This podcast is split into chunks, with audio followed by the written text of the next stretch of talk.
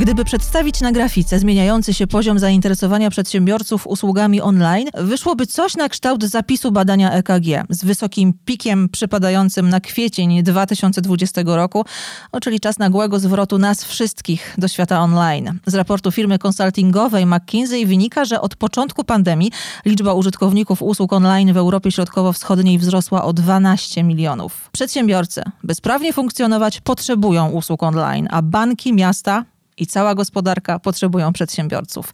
Więc jaką ocenę wystawi biznes na przykład urzędom czy instytucjom finansowym za ten niezapowiedziany pandemiczny sprawdzian? O tym w pierwszej części Biznes Podcast, czyli jak prowadzić firmę online, porozmawiam właśnie z przedsiębiorcą Paulą Kielar, właścicielką firmy szkoleniowej Skills of the Future. Justyna Majewska, zapraszam.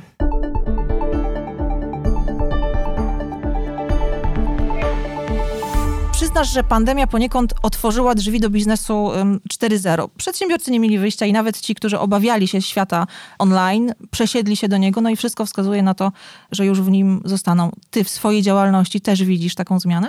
No tak, y, oczywiście, że widzę taką zmianę. Przede wszystkim nas pandemia trochę na początku zatrzymała. To znaczy, y, my mieliśmy taką koncepcję, żeby zacząć e, szkolenia na żywo. I musieliśmy swoją strategię e, rozwoju zupełnie zmienić e, o 180 stopni i zacząć pracować online po prostu. Ale był taki moment, o rany to koniec, co teraz zrobimy? Nie, raczej nie było takiego momentu, o rany to koniec. Był taki moment zastanowienia, co dalej. To znaczy, w jaki sposób poukładać wszystkie klocki mhm. biznesowe, żeby to mogło się wydarzać w innej rzeczywistości jeżeli rozmawiamy o usługach online, to chyba pierwsza rzecz, jaka przychodzi na myśl, to jest założenie firmy, czyli ten taki pierwszy, można powiedzieć, krok, jaki musi zrobić na tej biznesowej drodze przedsiębiorca.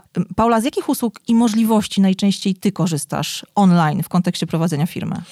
Ja w zasadzie jestem, mam wrażenie, zupełnie online. To znaczy, ja wszystkie rzeczy załatwiam biznesowe w online i trudno by mi było odpowiedzieć na pytanie, kiedy ostatnio byłam w urzędzie, albo, mhm. albo co załatwiałam w takiej rzeczywistej historii, jeżeli chodzi o działanie firmy. E, nasza firma działa w dwóch miastach, w mhm. Gdańsku i w Warszawie. I wszystkie rzeczy związane z działalnością firmy zała załatwiam online razem ze zmianami w CIDG, tak jak powiedziałaś, mhm. ten serwis rzeczywiście świetnie działa i, i nie ma kłopotu e, żadnego z wprowadzeniem zmian. No ale wszystkie rzeczy urzędowe, absolutnie wszystkie załatwiam e, przez internet. Wszystko ładnie brzmi, ale muszę zapytać, co było barierą e, w prowadzeniu firmy w czasie pandemii? Barierą nie jest moim zdaniem, czy z mojego punktu widzenia, brak możliwości rozwiązywania problemów bo w zasadzie jeżeli chodzi o nawiązywanie mm, kontaktów z pracownikami, czy delegowanie różnych zadań, czy komunikację, z tym zupełnie nie ma kłopotu. Wydaje mi się, że problem leży po tej drugiej stronie, czyli po naszej takiej ludzkiej. Ja po tych kilku miesiącach pracy online i nieustannego bycia w sieci e, odczuwam absolutny przesyt. Prowadzenia spotkań,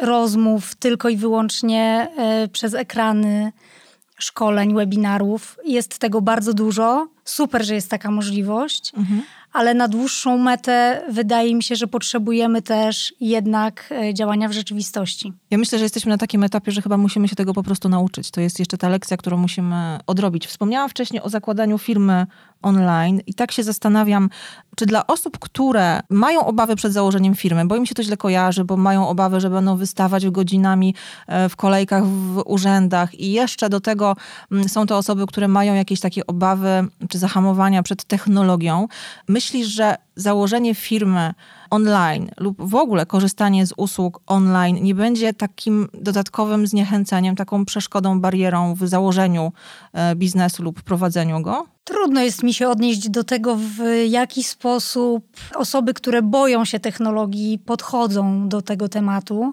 Wydaje mi się, że w tej chwili jest tak dużo informacji i możesz znaleźć odpowiedź w zasadzie na każde pytanie, nawet jeżeli się boisz. Mhm to istnieje taka możliwość, żeby krok po kroku zobaczyć, w jaki sposób y, dojść do celu, który cię interesuje.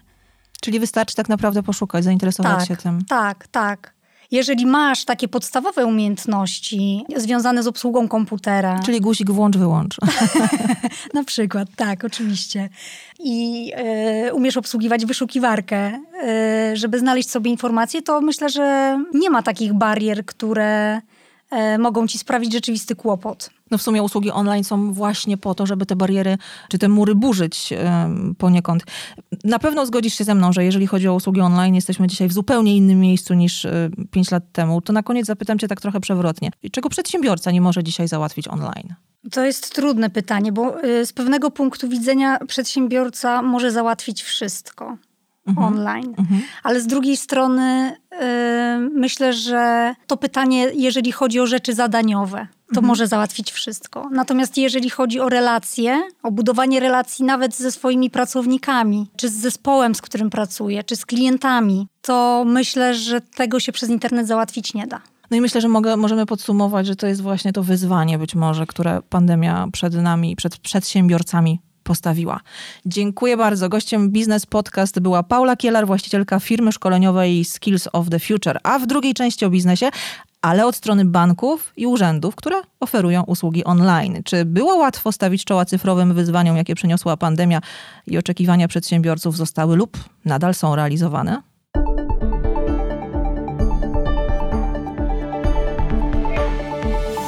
To jest Biznes Podcast, czyli jak prowadzić firmę online. A z nami Michał Macierzyński, dyrektor Departamentu Usług Cyfrowych w Banku PKO BP i Łukasz Marek, zastępca burmistrza Wołomina. Dzień dobry panowie, bardzo dziękuję, że znaleźliście dla nas czas. Dzień dobry, witam serdecznie. Nigdy nie marnujcie dobrego kryzysu. Podobno to są słowa Winstona Churchilla, e, któremu chodziło o to, by ni mniej, ni więcej uczyć się na własnych błędach. Czy jeśli chodzi o cyfryzację przedsiębiorstw, a co za tym idzie obywateli, możemy powiedzieć, że w Polsce kryzys, jaki przyniosła pandemia, pandemia nie został zmarnowany pandemia napędziła to przejście do e, internetu, dała impuls urzędom czy instytucjom do ich rozwoju, czy była to tylko konieczność? Panie Łukaszu? Moim zdaniem to była również e, szansa, z której wiele urzędów e, w Polsce skorzystało. Racjonalne myślące urzędy, między innymi właśnie gmina Wołomin, przystąpiły do etapu tej cyfryzacji znacznie wcześniej. Tutaj mogę wspomnieć o takim projekcie, którego założenia projektowaliśmy jeszcze w 2018 roku. Nazwaliśmy to Ewołomin Gmina Dobrych Rozwiązań.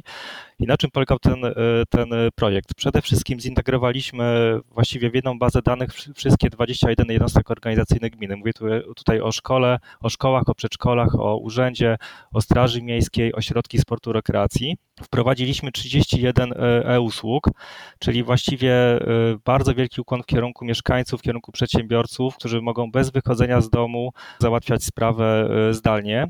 To jest oszczędność wielka zasobów czasowych, ale również i pieniężnych, zarówno po stronie przedsiębiorcy, jak i urzędników. Wprowadzimy również od stycznia platformę informacyjno-płatniczą, w skrócie PLIP, system komunikacji mobilnej dla mieszkańców, czyli informacje na telefon dotyczące mm, zmian w infrastrukturze drogowej, informacje o różnych wydarzeniach e, i oczywiście też system monitorowania gospodarki odpadami. Także ten proces cyfryzacji następował, e, ale zdecydowanie tutaj z Panią się zgadzam, że ta dynamika wzrosła kilkaset procent w związku z pandemią. No tutaj postrzegam to jako plus, tak? Był pewien szok na początku, ale e, widzę, że naprawdę wiele urzędów zdało ten egzamin na czwórkę, wiele też na piątkę, nawet na ocenę celującą. Także teraz wszystko przed nami i, no i mam nadzieję, że ta dynamika zostanie zachowana w kolejnych latach, e, już oczywiście w szczęśliwych czasach bez COVID-19. No można powiedzieć, że y, z tego, co pan mówi, to Urząd Gminy w Wołominie to już taka rozpędzona online'owa lokomotywa, którą chyba trudno będzie zatrzymać. Panie Michale, y, ryzyko, szansa czy nieprzyjemna konieczność? Jak najbardziej to szansa, chociaż no, jak to w banku nad ryzykiem e, e, cały czas musimy zarządzać, bo tak naprawdę bankowość to jest zarządzanie ryzykiem. Pandemia dla takiego banku jak PKO Bank Polski była czymś takim zmieniającym e, radykalnie bardzo często niektóre procesy. Musieliśmy się scyfryzować, to co mieliśmy w planach na, na przykład na kilka lat, tak naprawdę musieliśmy zrobić w kilka miesięcy. Robiliśmy to zarówno wewnętrznie, jak i e, dla, dla naszych e, klientów, dla, dla przedsiębiorców. Ja tylko przypomnę, e, że tylko PKO Bank Polski taki cyfrowy dowód udostępnił dla ponad miliona 800 tysięcy swoich klientów, tym klientów małych i średnich przedsiębiorców. Cyfrowy dowód, dzięki któremu można później logować się chociażby do wspomnianej platformy ePUAP, czy, czy do wszystkich innych rządowych czy samorządowych serwisów. To, to milion osiemset klientów, 2,5 miliona razy w miesiącu właśnie załatwiają jakąś sprawę z wykorzystaniem tego. Również w ekspresowym tempie no, pandemia wymusiła na nas wdrożenie M-Shafiru, czyli podpisu kwalifikowanego w chmurze. Każdy przedsiębiorca de facto wie i korzysta właśnie albo z podpisu takiego kwalifikowanego albo profilu zaufanego. Jako bank prowadziliśmy e, też w szybkim tempie wideo rozmowy. Każdy nasz klient może skontaktować się e, z bankiem poprzez wideo czy poprzez telefon. Jest tutaj e, weryfikowana jego tożsamość i, i systematycznie rośnie liczba spraw, które może w ten sposób zrealizować. Tutaj zarówno my, jak i, i wszyscy przedsiębiorcy musieliśmy całkowicie zmienić swoje przyzwyczajenia. Jeszcze kiedyś Rezygnowaliśmy tak naprawdę z pomysłu e, e, e, zakładania wideoczata, bo praktycznie nikt nie chciał w ten sposób rozmawiać, wszyscy się w jakiś tam sposób, nie wiem, czy wstydzili, czy, czy, czy no nie chcieli pokazywać twarzy, woleli rozmawiać. Natomiast no, w tym momencie, kiedy te wideoczaty są czymś normalnym, to zupełnie też e, inaczej do tego sami klienci i przedsiębiorcy podchodzą. Mówił Pan o tych um, takich oporach związanych z rozmawianiem przez czat, czy przy, przed rozmowami e, online. Ja myślę, chyba się Panowie ze mną zgodzą, że e, pandemia oczywiście nie wymyśliła usług online, ale w jakimś sensie sprawiła, że przekroczyliśmy taką granicę, jakąś mentalną barierę, która blokowała zarówno konsumentów, e, jak i firmy. Wcześniej na przykład, nie wiem, przychodnie nie chciały mm, udzielać pomocy zdalnie, a kiedy nie miały wyjścia, okazało się, że to działa. Podobnie jest w instytucjach finansowych. W wielu sytuacjach przejście na świadczenie usług online było wymuszone. Według badań Deloitte Polska jest na, no myślę, znakomitym, bo czwartym miejscu na świecie pod względem poziomu cyfryzacji w bankowości. A co dodatkowo, e, panie Michale, zmieniła pandemia? Pandemia przyspieszyła pewne procesy e, i to, co wcześniej e, wydawało się, że raczej nie da się tego wdrożyć, bo klienci tego nie, nie, nie zaadoptują albo zaadoptują dopiero za kilka lat no pandemia spowodowała, że no, to, to działa tu i teraz, że ta przyszłość jest już dzisiaj, przyszłość w bankowości. Takie usługi jak zakładanie konta na, na, na selfie, dołączanie różnego rodzaju dokumentów, przesyłanie ich mailem, czy, czy, czy nawet takie rzeczy, o których no, kiedyś trudno było sobie wyobrażać, czyli, czyli chociażby podpisywanie dokumentów o, o, o kredyt dla przedsiębiorców, czy jego odnowienie Kiedyś y, no, nikt sobie nie wyobrażał, żeby nie przyjść do oddziału, nie zobaczyć tego przedsiębiorcy, zobaczyć jego dokumentów papierowych. No, w tym momencie pandemia wymusiła, że to wszystko dzieje się online. Oczywiście to, że można e, wziąć z ZUS-u e, zaświadczenie o tym, że wszystkie składki się płaci i później przekazać je do banku. To, że można przesłać pliki od PK i, i, i na tej podstawie e, bank udzieli kredyt, to było już wcześniej przed pandemią. Natomiast y, to były jako takie nowinki na zasadzie, a przecież i tak z tego nikt nie będzie korzystał, bo łatwiej i lepiej jest podejść do oddziału. Pandemia zmieniła to i, wydaje się, że zmieniła to radykalnie i raczej na zawsze. Nowinki stały się codziennością po prostu. Dokładnie tak. Ja sprawdziłam, jak kształtuje się poziom y, zakładania działalności gospodarczej przez internet i tak, w marcu 1 czwarta wszystkich wniosków dotyczących rejestracji firm była złożona drogą elektroniczną, a w kwietniu te wnioski stanowiły już ponad połowę, dokładnie 53% ogółu. To znaczy, że przedsiębiorcy potrzebują usług online e, w tym zakresie, ale czy to też znaczy, i to pytanie do pana, panie Łukaszu, że urzędy są przygotowane do zdalnej obsługi obywateli? Jak dzisiaj wygląda urzędnicza codzienność? Jak przedsiębiorcy załatwiają sprawy w urzędzie gminy? No i jak pracują urzędnicy? Jeżeli chodzi o wewnętrzne rozwiązania, to musieliśmy wypracować, nauczyć się pracy zdalnej. E, w obecnej chwili w urzędzie w gminie Wołomin e, praktycznie co druga osoba pracuje pracuje na pracy zdalnej. To są młode osoby, które mają dzieci i też muszą zaopiekować się swoimi rodzinami, więc musieliśmy w trybie dynamicznym wprowadzić dodatkowy sprzęt, dodatkowe dostępy do dysków sieciowych, do różnego rodzaju baz danych.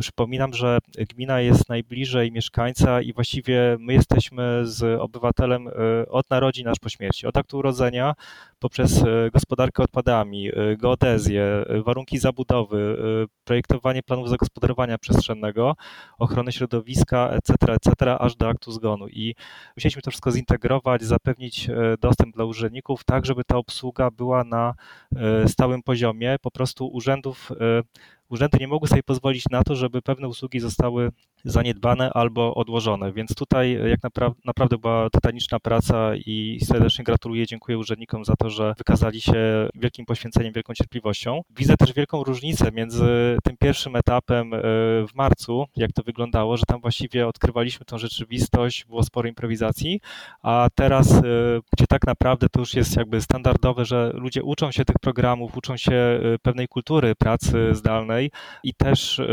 wszyscy pracują na to, żeby te sprawy były załatwiane jak najszybciej, bo wiemy, że tutaj czas e, czasami jest na wagę złota, można tak powiedzieć. To tak, a propos załatwiania szybciej. Ja myślę, że o tempie przyspieszenia cyfrowej transformacji w biznesie mogą też świadczyć e, zgłoszenie do konkursu Polskiej Agencji Rozwoju Przedsiębiorczości 100 e, najlepszych projektów na zwiększenie poziomu cyfryzacji w firmie. Otóż w ciągu zaledwie kilkudziesięciu dni aplikację złożyło prawie pół tysiąca firm, głównie co ciekawe mikroprzedsiębiorcy.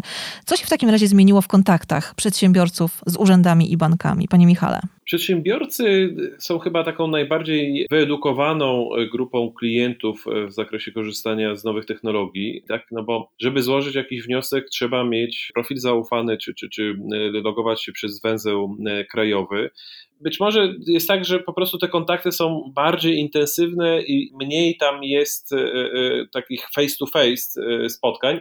Natomiast to jest istotne, no to esencją takiej dobrej obsługi klienta firmowego jest właśnie jego kontakt z doradcą. No i tutaj to też było wyzwanie dla doradcy, podobnie tak jak w urzędach, y, no u nas też y, musieliśmy z dnia na dzień w zasadzie przejść do, do, do pracy w trybie zmianowej.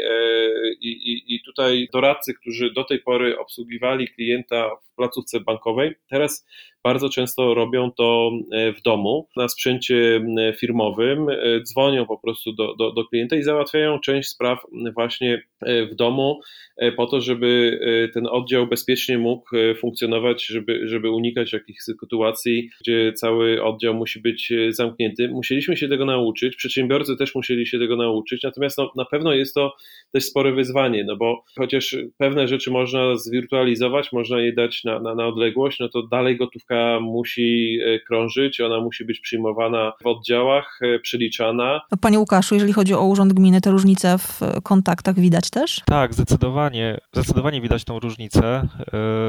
Na pewno e, można powiedzieć, że zmienia się cała filozofia i tutaj jeszcze pokutuje taki obraz urzędnika, który działa na niekorzyść przedsiębiorcy. Zmienia się pokolenie urzędników i odchodzimy od słowa petent, idziemy w kierunku słowa partner. To jest bardzo kluczowa kwestia. W związku z tym, że gminy no, mają problemy y, finansowe, y, środki europejskie oczywiście są dostępne, ale to jest typ konkursowy i coraz jasnym staje się to, że musimy szukać partnerów wewnątrz gminy, ściągać inwestorów zewnętrznych, tak aby realizować tę formułę partnerstwa publiczno-prywatnego dla zysku, ale gminy zysku nie rozumieją tylko poprzez stricte mm, taki efekt fiskalny, tak, monetarny. E, dla mnie zyskiem też jest zadowolenie społeczne, rozbudowa pewnych usług społecznych, a tak jak powiedziałem, my jesteśmy najbliżej mieszkańców i naprawdę dostrzegamy te potrzeby lokalne, tą chęć rozwoju.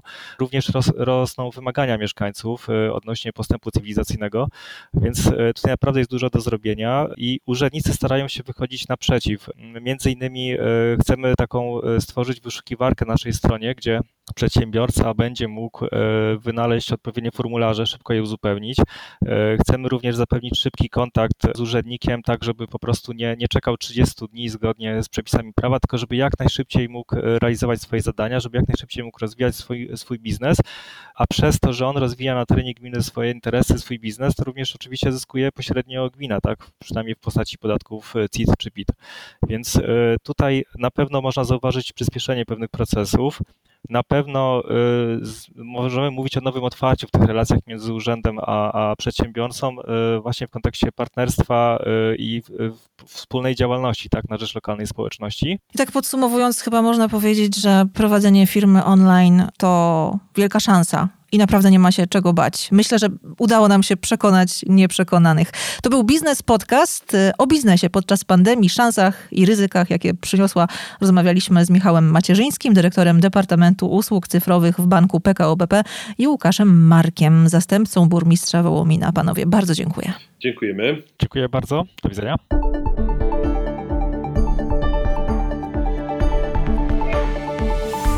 Jeżeli myślisz o założeniu firmy, ale wydaje ci się, że sprawa cię przerośnie, nie wiesz jak zacząć, gdzie pytać, słuchaj kolejnego odcinka Biznes Podcast. Będzie o tym, jak założyć działalność całkowicie online. Wiemy, że przedsiębiorcy lubią konkrety, więc będziemy mieli dla ciebie konkretne odpowiedzi. Justyna Majewska, do usłyszenia.